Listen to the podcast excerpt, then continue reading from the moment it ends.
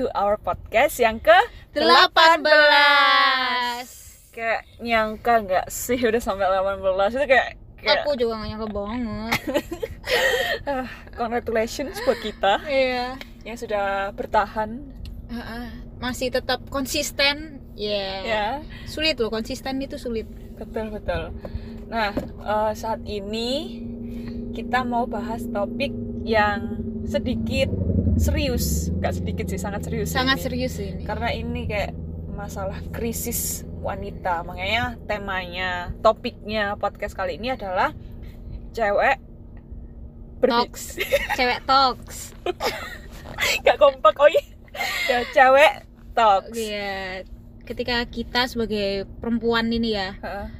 Eh, speak up tentang hal-hal yang akhir-akhir ini mungkin lagi viral lagi kita berdua baca lagi kita berdua barusan diskusiin juga dan Betul. sekarang lagi happening di masyarakat juga ya apalagi generasi kita ya Betul. Mm-mm. eh kayak yang teman-teman dengar eh, makin ke sini sekarang makin banyak berita-berita kebenaran-kebenaran Mm-mm. fakta-fakta yang tersebar yang terbuka yang baru diumumkan salah satunya adalah mengenai eh, wanita pemerkosaan wanita atau pelecehan seksual Iya. wanita korbannya kebetulan yang perempuan ini Perempuan. ya yang banyak eh, terkuak sekarang ya betul terkuak ya Nah, eh, masalahnya gini, eh, tadi ini sebelum aku mau podcast ini, Mm-mm. itu aku tuh buka storynya temen, ya kan. Yang lagi viral sekarang ini kan eh, yang pemilik pondok pesantren itu Iya. yang dia memperkosa santrinya iya sembi- eh, 12 dan melahirkan 9 anak, or- ah, 9 sembilan anak, anak. Ha. 9 anak. Nah, ternyata baru update lagi. Ternyata dia tuh memperkosa 21 santrinya. Iya, soalnya kan ada santri yang wis keluar kan. Oh iya betul gitu, betul betul. Kemarin itu, makan masih 12, ma- masih diselidiki lagi gitu. Ternyata ada 21 Nah, sekarang kayak gitu ya, 21 sekarang. Iya 21 dan itu Oh. kayak gak wajar karena dia bayangin ya ini teman-teman juga pasti tahu sih soalnya ini sudah trending di Twitter gitu loh. Nah, ah, ah. Dia tuh memperkosa terus habis itu eh, anaknya itu dibuat bahan untuk cari donasi atau sumbangan. Iya. Itu parah banget. Terus habis itu si cewek yang diperkosa ini dia eksploitasi, dia jadikan kuli bangunan untuk Oh iya. oh, oh, untuk membangun apa pondok pesantrennya tahu nggak tahu dalam eh, konteks gimana pokoknya dijadiin kuli gitu aku lihat di kumparan di Hmm. berita-berita tuh kayak gitu Hmm. dan mereka ini dijanjiin kayak eh, nanti dinikahi di apa biayai sampai kamu jadi poluan kuliahnya dan macam-macam aku nggak nggak nggak nggak tahu tahu detail soal itu Hmm. cuma di sini poinnya adalah dia ini adalah tokoh dia tuh pemilik loh bahkan dan Iya. dia tokoh agama yang mengajarkan kebenaran kan istilahnya Ah, Kebenaran dan kebaikan. dan kebaikan pasti Iya. karena namanya agama ya kan Iya. mengajarkan sesuatu yang baik, Baik, gitu iya. loh nah tapi di sini kelakuannya kayak gitu bahkan itu itu ya dia lakukan dengan orang yang dia ajar gitu loh orang Iya, yang iya, iya. Dan itu berkali-kali kan. Maksudnya kalau hilaf kan mungkin sekali gitu ya. ya Itu 21 orang itu berarti kayak udah kebiasaan gitu mungkin. betul dan dia iya pasti Iya. dan nggak mungkin lah dia gak sadar bahwa itu coy kayak ya Iya, masa bener, bener, bener. gitu ya.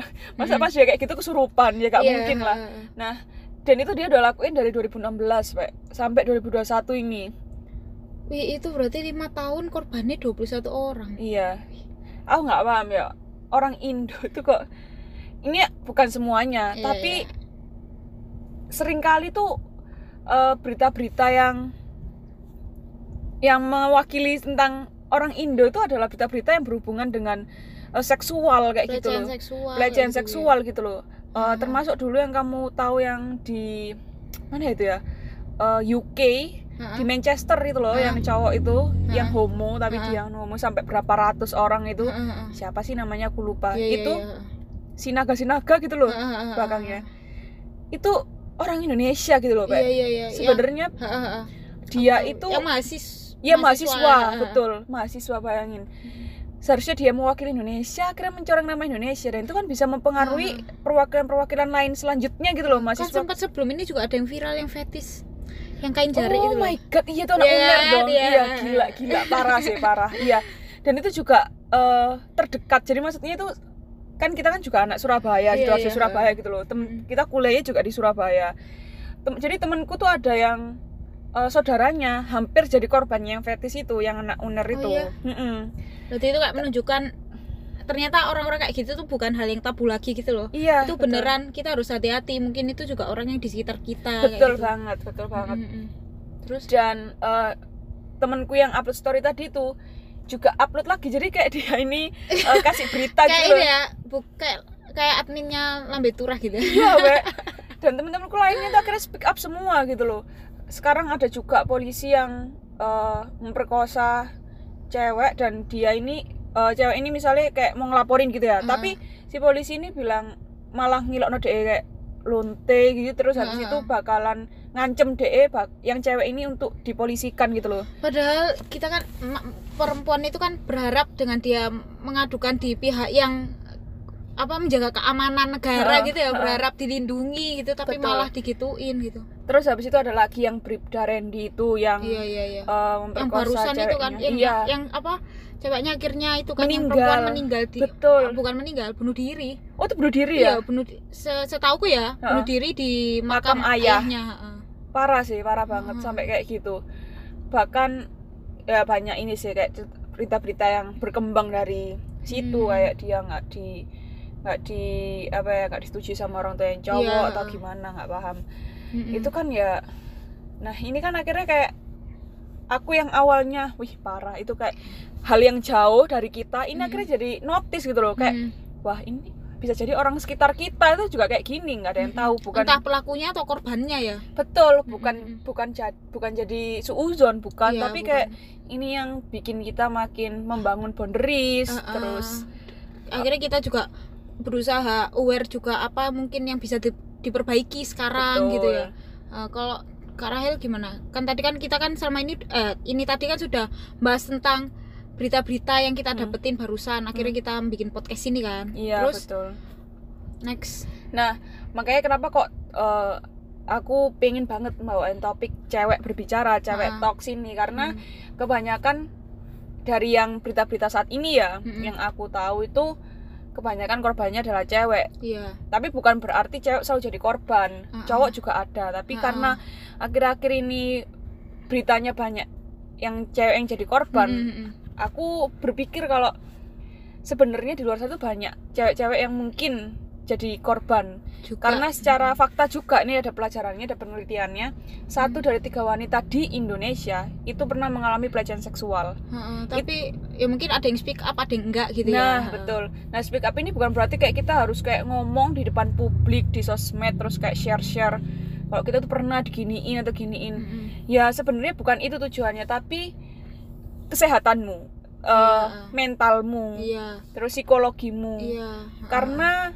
Itu bisa mempengaruhi trauma misalkan Iya, terus ke depannya korbannya ya buat korbannya buat tuh. korban terutama. Heeh. nah kamu mengalami efek tapi yang big- yang melecehkan kamu ini hidup dengan tenang dan bahagia itu kan nggak adil iya iya. Nah makanya itu eh, aku pengen bilang kalau sebenarnya siapa pun yang dengerin ini entah ya kamu cewek-cewek Iya. atau misalkan kamu bukan cewek tapi kamu punya cewek atau punya temen cewek punya adik cewek punya keluarga Iya, cewek ya betul. kayak gitu saudara sepupu lah pokoknya please hargain dan pandang cewek itu juga berharga gitu loh Mm-mm. jangan menganggap rendah cewek Hmm. terus eh, dari sini juga kita sebagai cewek jangan apa ya jangan mau di secara gampang di apa ya dibujui atau dibodohi gitu loh Mm, mm, mm. karena eh, banyak makin hari makin banyak trik-trik dan strategi Iya, orang iya, kalau iya. sudah nafsu itu bahkan yang kayak di uner contohnya tadi Heeh. itu dibuat penelitian tuh dia heeh. bayangin kayak gitu loh pak maksudnya dia tuh bisa berpikir po- apa ya positif bukan berpikir strateg strategis sampai kayak gitu loh. strategi yang kayaknya bisa diterima gitu loh tapi ternyata tapi ternyata itu untuk kepuas- memenuhi kepuasannya diri iya, sendiri kan? Iya. dia kayak wah parah sih kayak gitu itu. Iya aku aku sempet sih ngeliat storynya temanku. Hmm. itu tuh jurus eh, intinya itu dia tuh diajak kerja kelompok sama Hmm. katingnya kayak gitu Hmm. kan "Eh, aku ajarin ini dong ini gimana? kayak gini gini oh itu tuh kayak gini. Aduh aku masih kurang paham. Mau ya ajarin aku gitu ya ya nggak apa-apa sih kayak gitu. Hmm. besok nggak apa aku kosong kayak gitu kan temannya Te- temanku itu bilang kayak gitu. Terus kayak terus eh, si kakak tingkatnya tuh bilang oh, yaudah ya besok aku bookingin hotel ya gini kita belajar di sana nanti aku anterin pulang kok. Bilang kayak gitu terus aku kayak terus, terus aku akhirnya kan komen toh ke storynya temenku itu kayak ih ngeri cak. Aku kan bilang kayak gitu ngeri ngeri ngeri. Lah yo maksudnya hal kayak gitu tuh terjadi gitu. Loh maksudnya bukan ya terjadi. Cuman waktu itu aku tuh kayak kayak kayak shock gitu. Ih itu di sekitarku gitu loh gak sih? Iya iya betul, masa kerja ngajak kerja kelompok di hotel kayak gitu loh kayak. Pelecehan seksual tuh nggak harus yang kayak kamu diperkosa kamu di apa enggak yang fisik banget gitu bahkan ya pelecehan seksual secara eh, verbal, itu iya. juga iya, juga benar. termasuk pelecehan seksual nggak Ah. boleh dilakukan gitu loh. Iya iya iya. Dia nggak menghormati kan nah berarti. kadang kita tuh nggak tahu gitu loh. Bisa jadi cewek-cewek ini eh, kadang ada beberapa orang yang mungkin belum sampai sana belajarnya Mm-mm. atau mungkin sedang masa remaja Mm-mm. jadi kayak menganggap hal itu akhirnya hal normal padahal Mm-mm. enggak Mm-mm. misalnya kayak ada cowok kayak ngilok tentang bagian area wanita kayak gitu Hmm. terus ketawa-ketawa padahal itu bukan hal yang lucu gitu. Nah tapi kalau misalnya orang nggak tahu akhirnya kan oh normal bercanda soal kayak gitu itu. Iya akhirnya kan ternyata padahal itu nggak normal kan maksudnya iya itu salah Nah, gitu. itu bisa jadi apa pintu awal untuk ke Betul. hal-hal yang lebih betul. lebih nggak sopan gitu kan. Dia aja bisa nggak menghargai kamu secara verbal apalagi kalau kamu sudah punya akses Uh-uh. memberikan kamu sudah memberikan akses penuh iya. bisa jadi ya lebih parah dari itu. Iya iya bener. Nah itu dan itu nggak berlaku cuma buat cewek yang belum nikah enggak. Bahkan ada berita lagi nih dari temanku lagi. Ini bukan anu ya temanku yang jadi wartawan enggak, tapi kayak apa? kayak kayak apa? Re restory gitu loh, restory dari kayak kumparan, kayak kreatif oh dia suka ngeri story kayak gitu dah update ya kita nggak usah baca berita baca lihat story deh ya kayak makanya kayak bersyukur lah. Dan itu lah temen-temenku cewek sih kayak gitu. Jadi aku ya akhirnya ngerti. Nah, ada ibu itu ibu-ibu sudah punya dua anak diperkosa di depan anaknya dong. Ibu-ibu sudah punya anak diperkosa di depan anak-anaknya. Jadi diperkosa sama siapa? Sama aku lupa tetangga atau siapa gitu loh aku lupa. Ada tapi beritanya. Nanti deh aku tunjukin. Oh iya iya. Itu kayak gitu. Kayak ya apa ya eh, bahkan kalau sudah jadi ibu-ibu pun itu meskipun kita belum ibu-ibu ya iya. eh, banyak yang perlu kita pelajari gitu loh. Karena semakin hari juga eh, zaman itu makin banyak perkembangan teknologi. Orang makin pinter untuk ngakali atau Mm. pinter untuk membantu berguna bagi sesama dan bangsa. Mm, kan macem-macem.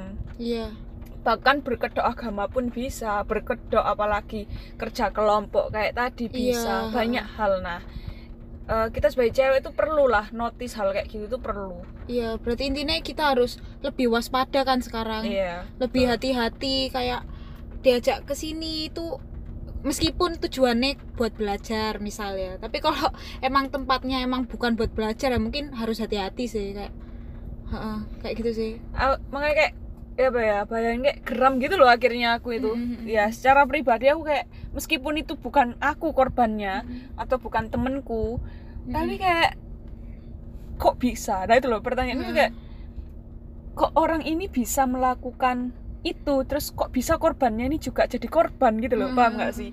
itu kok bisa keadaannya sampai kayak gitu gitu loh. Apa tidak seberdaya itu ta nah itu juga menjadi pertanyaanku Nah, eh, kita juga sebagai cewek bukan berarti harus kayak stay away atau Hmm. kayak harus jaga jarak sama cowok gitu. Ya nggak se ekstrim itu, tapi kita tahu kalau misalnya cowok ini ada omong kayak gini, arahnya ke mana. Akhirnya kita tahu bukan berarti kita kayak wah, berarti aku harus eh, gak polos ya aku ngerti kayak hal-hal seksual porno gitu ya enggak. Ya tujuannya apa? Makanya pentingnya sex education tuh itu. Iya benar-benar ngomong-ngomong soal sex education ya Hmm. pembelajaran tentang seks itu aku pernah dengar podcastnya seksolog aku lupa namanya siapa. Hmm. pokoknya dia aku sampai S2 tentang seks Hmm. di, di luar negeri. Jadi dia itu emang seksolog gitu loh. Jadi dan seksolog ini bukan berarti hal-hal sing porno aja ya. Maksudnya seksolog tuh juga berkaitan dengan relationship kayak Iya gitu-gitu. betul betul. kayak gitu-gitu. Nah dia itu bilang kayak pendidikan seks itu penting bahkan buat anak kecil. Iya buat Betul. buat anak kecil. Dan dia itu bilang aku kayak pernah cerita ini ke kakak. Jadi kayak anak sebelum umur lima tahun. Hmm. sebelum lima tahun entah entah lima tahun itu sudah ketuaan ya. Pokoknya masih kecil banget itu penting. Kadang-kadang itu buat mandi bareng sama papa mamanya Hmm. buat mandi bareng papa sama pa- buat sekali sekali atau beberapa kali pokoknya yuk Kak, mandi terus ya maksudnya beberapa kali itu harus intinya dia ah. pernah tahu mandi sama papa mamanya Hmm. terus dan papa mamanya itu perlu untuk menjelaskan badan papa itu seperti ini badan mama itu seperti ini itu pas dia kecil ya soalnya kok udah besar dikit nanti takutnya dia malah malah malah berbelok dari tujuan awal tujuan awalnya itu biar anak kecil itu tahu kalau emang ada yang beda antara perempuan dan laki-laki. Dan ini tuh wilayah yang pribadi jadi nggak semua orang itu bisa bisa melihat ini gitu loh kayak Hmm. gitu tapi dia harus tahu biar dia nggak kadang-kadang kan ada soalnya pas itu ada kejadian kan di TK itu tuh kayak si temennya tuh aku mau lihat punyamu mau lihat punyamu kayak gitu padahal ini oh anak perempuan sama anak laki-laki gitu loh. S- ya, karena karena apa? tahu. karena mereka nggak tahu dan mereka ingin tahu kan. Iya, tapi mereka nggak tahu makanya Betul. daripada dia dapat jawaban di tempat yang salah dengan Hmm. cara yang salah mending makanya itu pentingnya untuk pendidikan seks dari orang tuanya. Makanya itu di- mandi bareng. Jadi mandi bareng sama orang tuanya sama papa mamanya itu kayak diberitahu ini mama itu kayak gini.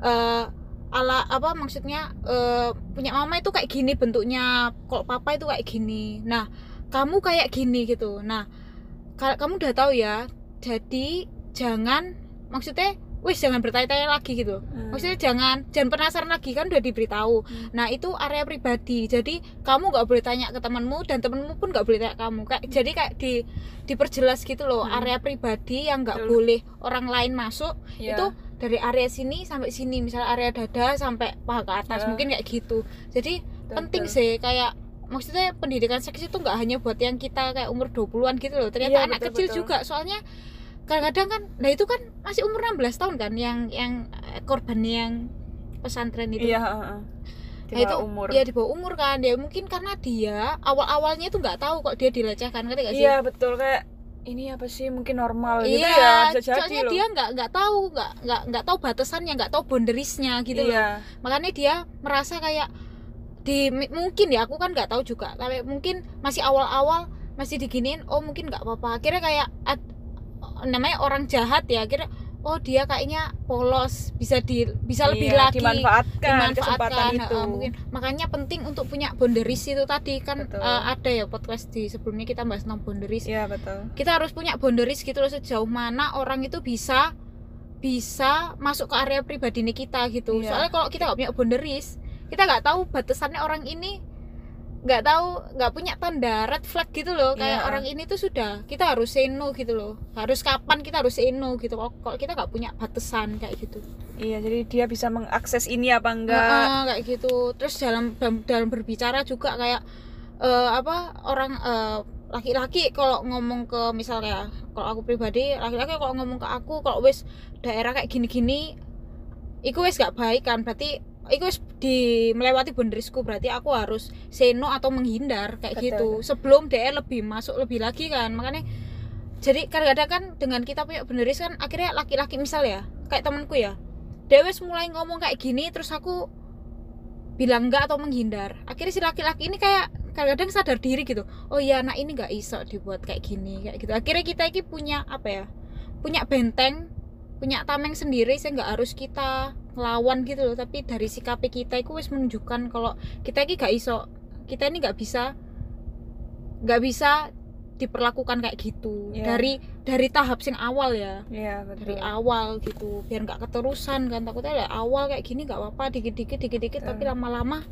keterusan kayak gitu kebablasan kayak gitu. Dan jangan ngerasa kalian sendiri yang kayak gitu. Semua Mm-mm. cewek pasti pernah merasakan itu dan nggak ada salahnya kita melawan nggak ada salahnya kita Mm-mm. menegur gitu iya benar-benar kalau kalian bener jangan takut sal- dan jangan takut gitu. Ya ah, betul, kalau kalian betul. bener jangan takut. Kalau mereka menolak mereka menolak gitu ya memusuhi kalian karena kalian memperjuangkan hal yang benar ya berarti ya Mereka- waktu waktu kalian keluar dari lingkungan itu daripada Betul, kalian dirugikan gitu loh. Itu udah nggak relate sama Ah, kalian ah, lah ah, intinya kayak gitu.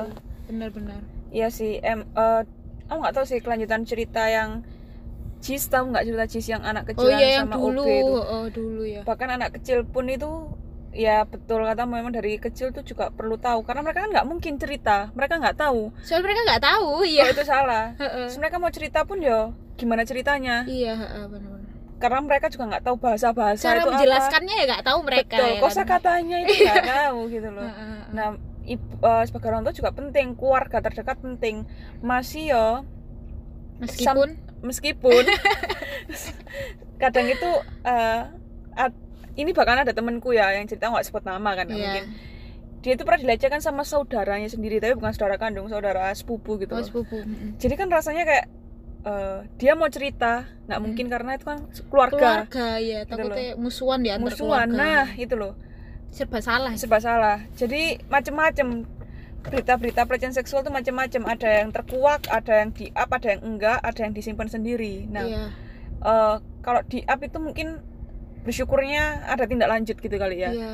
Eh, banyak dan membuat yang lain akhirnya lebih aware juga ya. betul. Mm-mm. nah yang mas yang masih dipendem ini yang harus healing dulu harus konsultasi. Ini eh, saranku sih. Mm. Kebetulan aku inget kan. Jadi kalau misalkan kalian emang bener-bener kayak stres atau kalian punya masalah yang dipendem bahkan tentang pelecehan seksual kan kalian pasti bingung kan mau konsultasi ke siapa. Mm. Eh, kalian sebenarnya bisa kayak download di Halodoc itu. Mm. eh, di yang namanya psikolog itu. Atau kalau misalkan eh, lebih ekstrim lagi kan psikiater. Iya. Tapi psiki- psikiater kan lebih parah. Kalau psikolog itu kan eh, kamu nggak memerlukan obat-obatan tertentu gitu loh. Mm. kalian bisa tuh cerita di situ karena di situ kan kayak cuma sekali sekali chat sama dokter itu. Kalau emang kalian cocok kalian bisa chat itu lagi. Dan tuh murah banget. Kayak bayar 30.000 ribu itu udah bisa eh, dua jam kali ya? Satu jam satu jam satu jam untuk cerita curhat tanya gitu. Mm, mm. karena ngobrol tuh penting gitu. Iya iya benar. Melepaskan tuh penting dan kamu akhirnya tahu biar pendapat dan lega juga ya. Iya betul lega kebuang semua lah energi. Mm-mm. oh my god sorry. Kita juga manusia. Padahal bisa tahan loh keluar. Jadi apa akhirnya energi negatif itu keluar gitu kebuang. Heeh. dan akhirnya kita tahu pandangan orang lain kan apalagi ke ahlinya yang dokter Mm-mm. gitu. Dan itu pun bisa milih pak. Jadi dokternya kan udah pengalaman. Ini nggak disponsori oleh Halodoc iya. Tapi tapi nggak bener-bener mau sponsor ya gak apa-apa sih. Oh ya Eh, siapa pun yang bekerja di Halodoc ya, Heeh, itu. terus?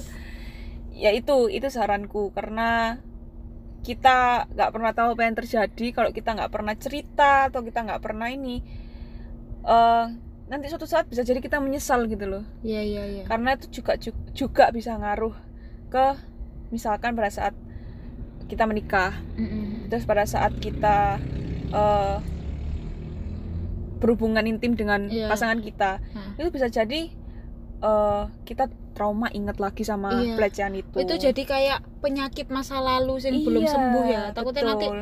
iya biasanya kan makanya itu kan harus sehat dari masa lalu dulu sebelum Betul. berhubungan sama membangun relationship sama pasangan kan betul itu juga bisa ngaruh bagaimana kita berkom- berkomunikasi dengan orang berkomu apa ya pu- Mm-mm. punya komunitas karena kalau misalnya ada sesuatu hal yang ngingetin kita soal masalah itu pelecehan Mm-mm. seksual tuh kita akhirnya inget terus wah kita trauma terus Iya, heeh. menutup diri kita Iya. korbannya seharusnya bukan kita yang menutup diri seharusnya kita ini justru yang harus kuat ya harus kuat tunjukin kalau kamu itu Bisa nggak bangkit. salah kamu Iya, tuh bangkit. nah mereka yang salah mereka yang harusnya dihukum. Iya, bukan kamu yang dihukum kayak gitu.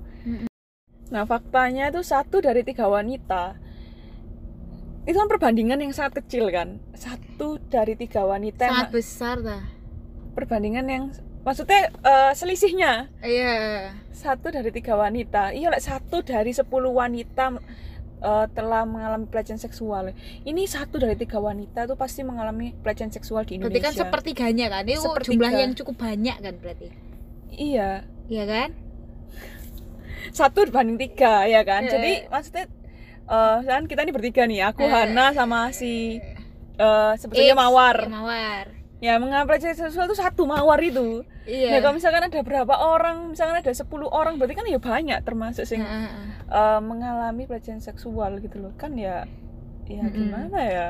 Iya, berarti kan intinya dari topiknya kita ini tadi kan penting buat kita ini menambah pengetahuan soal sex education ini kan. betul Nah, uh, uh, eh, dan boundaries kita mulai sekarang yang belum punya boundaries ya mulai sekarang coba mulai pikirin boundariesnya kalian untuk lawan jenis itu sampai sampai mana sejauh mana untuk fisikalnya untuk verbalnya sejauh mana terus apa yang bisa kalian lakuin. Soalnya kan kadang-kadang sungkan kan masa mau marah tapi teman sendiri kayak gitu. Ya mungkin kalian harus cari cara kayak gitu gimana Iya, caranya. betul. Kayak gitu sih. Mungkin Kak Rahel ada eh, akun-akun yang Kak Rahel Oh, sama ini belajar ya tentang ada. sex education gitu. Ada ada. Eh, nah sebenarnya kalau eh, sosial media tuh ada di Ines IG itu aku lupa namanya Ines apa? Ines Kristiani atau Ines Kristianti gitu loh. Ya itu dia kayak bahas tentang hal-hal itu ya. Iya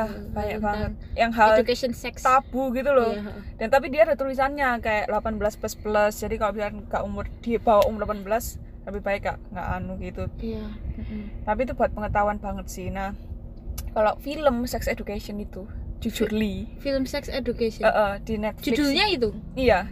Oh. Series ya itu sex education. Itu bener-bener kayak eh bahasa-bahasa yang kamu nggak pernah denger itu ada di situ. Tentang seks itu ada. Berarti kayak gitu. itu 18 plus juga filmnya? Iya pasti. Pasti. Eh. tapi bagus kan maksudnya dia nggak hanya tentang seks saya maksudnya kayak ada pelajaran-pelajaran yang bisa diambil oh iya eh, nilai-nilai Heeh. kalau aku sih fokusnya lebih ke eh, nilai ya eduka- edukasinya itu dan mereka Hmm. nggak sing kayak filmnya selama berapa menit ngono seks terus enggak bener-bener eh, tentang eh, membangun relationship terus Hmm. kamu berhubungan seks di situ bahkan yang kayak homo atau lesbi Hmm. atau eh, yang lagi suka sama orang terus kamu ingin berbuat seks itu di sini tuh kayak bener-bener ada apa ya, ceritanya gitu loh Hmm. ternyata pengalaman-pengalaman kayak gitu itu ada di luar sana itu terus ada bahasa-bahasa yang kita mungkin nggak tahu harus tahu karena kan orang Iya. lain bisa jadi pengetahuan ya biar kita kok misalkan mau pas kita misalkan mau dilecehkan itu belum sampai dilecehkan soalnya kita udah tahu oh orang ini kayaknya mau mengarah ke sini sebelum sebelum orang itu sudah terlanjur gitu. soalnya kita Betul. udah paham kita kita nggak bukannya polos ya tapi maksudnya kayak kita udah udah mengerti udah Mm-mm. pernah tahu soal itu Betul.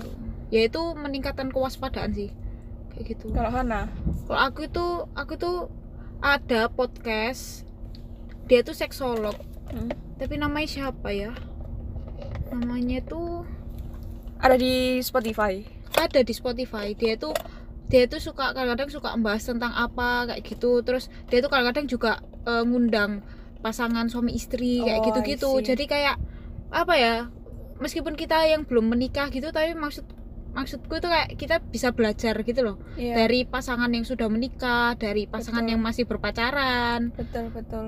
Terus dari Jadi- dari dia juga ilmunya dia. Kan dia nggak salah itu S2 di luar negeri kan tentang yang kamu seks bilang itu tadi ya itu. kayak gitu. Bahkan ada pelajarannya loh ya. Mm-mm, ada pelajarannya. Kayak dokter Boyke itu loh. Iya benar aku tuh suka aku suka lihat tuh next show sih. Heeh.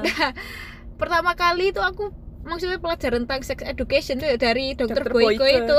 Iya benar Soalnya kan fun kan di itu Iya, next show itu kan fun. Terus kan ada Desta itu kan. Desta Iya. kan kayak agak dablek gitu Kocak. kan. Iya kocak kan. Jadi suka nanya jadi kayak gitu tuh nggak hanya terhibur tapi aku juga dapat pengetahuan gitu loh. Betul. Bukannya santai bawaannya jadi bukan kayak yang iya. awkward canggung terus kayak Iya, serius benar, banget. benar, benar. bukannya aku interest ya kali itu cuman emang aku berusaha mengedukasi diriku Iya. sendiri gitu loh biar aku juga lebih hati-hati. Betul betul. Terus aku kan juga punya adik kan jadi suatu saat itu aku bisa menjawab pertanyaannya adikku mungkin betul. atau mulai ngelihat ada yang salah sama adikku mulai salah gitu ya aku tuh Betul. bisa bisa ngajari gitu loh. Soalnya aku tahu Hmm. bukan karena aku pernah merasakan tapi aku Hmm, mem- aku belajar gitu tentang itu kayak gitu. Betul betul. Kayak gitu sih.